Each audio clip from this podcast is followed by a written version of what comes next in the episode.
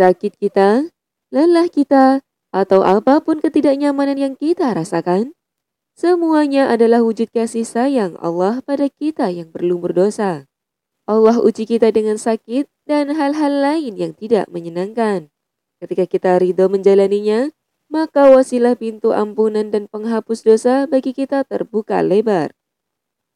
Assalamualaikum warahmatullahi wabarakatuh. Hai hai hai sahabat narasi pos, jumpa lagi dengan saya Armina Azza. Kali ini dengan rubrik motivasi yang berjudul Sakit dan lelahmu, penggugur dosa oleh Iranti Mantasari.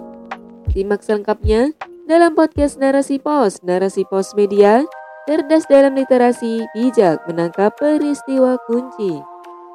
Satu, dua, tiga, tanpa terasa, pandemi sudah memasuki tahun ketiganya. Umur yang terbilang lama untuk sebuah wabah yang menjangkiti dunia. Bahkan, umurnya mengalahkan umur bayi yang banyak sekali baru lahir dan hanya mampu bertahan beberapa jam saja. Entah, sudah berapa orang terkasih, tersayang, sejawat, kolega kita yang gugur dalam pandemi ini sejak kehadirannya. Di negeri tercinta, pandemi yang masuk tahun ketiga pun ternyata membawa episode baru gelombang ketiga, melanjutkan dua gelombang sebelumnya yang menumbangkan banyak nyawa. Lamanya pandemi ini membuat masyarakat mulai lupa bahwa pandemi belum berakhir. Kabar tentang tingkat keparahan gelombang ketiga yang berada di bawah gelombang kedua juga tak sedikit membuat orang-orang meremehkannya dan lalai untuk menjalankan ikhtiar mencegah diri dan keluarga sakit, beberapa pun ringannya gejala yang dirasakan seseorang, tak itu COVID-19, varian apa pun itu, ataupun penyakit-penyakit lain yang receh seperti batuk dan pilek, semuanya tetap tak enak. Sakitnya seseorang, meski bergejala ringan akan bisa menghalangi seseorang dari aktivitas rutinnya untuk bekerja, belajar, beribadah, dan lain-lain. Hal ini karena badan akan menuntut haknya untuk direhatkan sejenak dari hiruk pikuk rutinitas demi memulihkan kondisi menjadi lebih baik. Sakit juga melelahkan. Apatah lagi yang dengan sakitnya itu membuat seseorang harus menginap di rumah sakit, ditusuk jarum suntik dan infus, dipasang kateter, juga harus meminum berbagai macam obat-obatan. Semuanya melelahkan, tak ada yang tak melelahkan. Meski demikian, Orang yang sedang diuji sakit tak sepatutnya disugesti dengan pernyataan semacam itu. Karena yang mereka perlukan justru adalah penguatan, motivasi dan semangat untuk menguatkan mereka melalui masa-masa yang melelahkan itu. Ketika berbicara soal ini, maka sungguh sabda baginda Nabi Shallallahu Alaihi Wasallam adalah sebaik-baik penyemangat bagi mereka yang sedang sakit. Hal itu pula lah yang beliau sampaikan kepada sahabat-sahabatnya yang ditimpa penyakit atau bahkan yang terluka parah setelah berjibaku dalam medan jihad.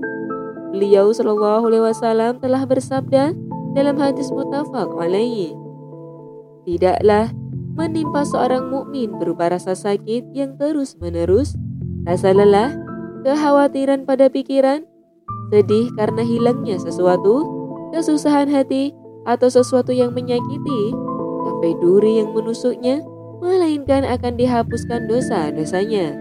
Hadis riwayat Bukhari dan Muslim.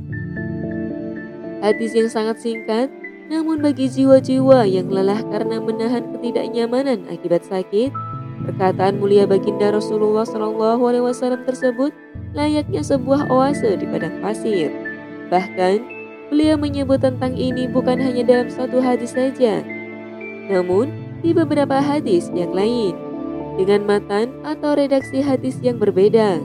Beliau bersabda, Tidaklah seorang muslim tertimpa oleh sesuatu yang tidak menyenangkan, sakit, ataupun yang lain, melainkan Allah akan menghapuskan kesalahan-kesalahannya dan dosanya akan berguguran sebagaimana pohon menggugurkan daunnya. Mutafak alaihi. Kemuliaan lisan beliau yang membalut wahyu dengan bahasa yang kita pahami memberikan arti tersendiri bagi siapa pun yang mendengar atau membaca hadis beliau. Analogi yang beliau gunakan untuk menjelaskan seperti apa dosa-dosa yang gugur di kala sakit ataupun lelah sangatlah menggugah hati dan menenteramkan jiwa. sakit kita, lelah kita, atau apa pun ketidaknyamanan yang kita rasakan, semuanya adalah wujud kasih sayang Allah pada kita yang berlumur dosa ini. Karena Allah menyayangi kita, maka ia uji kita dengan sakit dan hal-hal lain yang tidak menyenangkan. Yang dengan kesabaran serta keridoan kita menjalaninya, maka Allah jadikan itu semua wasilah, pintu ampunan dan penghapus dosa bagi kita terbuka lebar. Oleh karenanya, Siapa pun yang sedang dilanda ujian berupa sakit ataupun kelelahan akibat mengurus orang-orang yang sakit, ketahuilah bahwa Allah sedang ingin menyucikan dirimu dari berbagai alpa dan khilaf yang tertegak di masa sehatmu. Wallahu a'lam bisawab. Sekian dulu perjumpaan kita. Nantikan pada motivasi-motivasi lainnya. Saya Armina Azza mohon undur diri. Barakallahu fikum. Wassalamualaikum warahmatullahi wabarakatuh.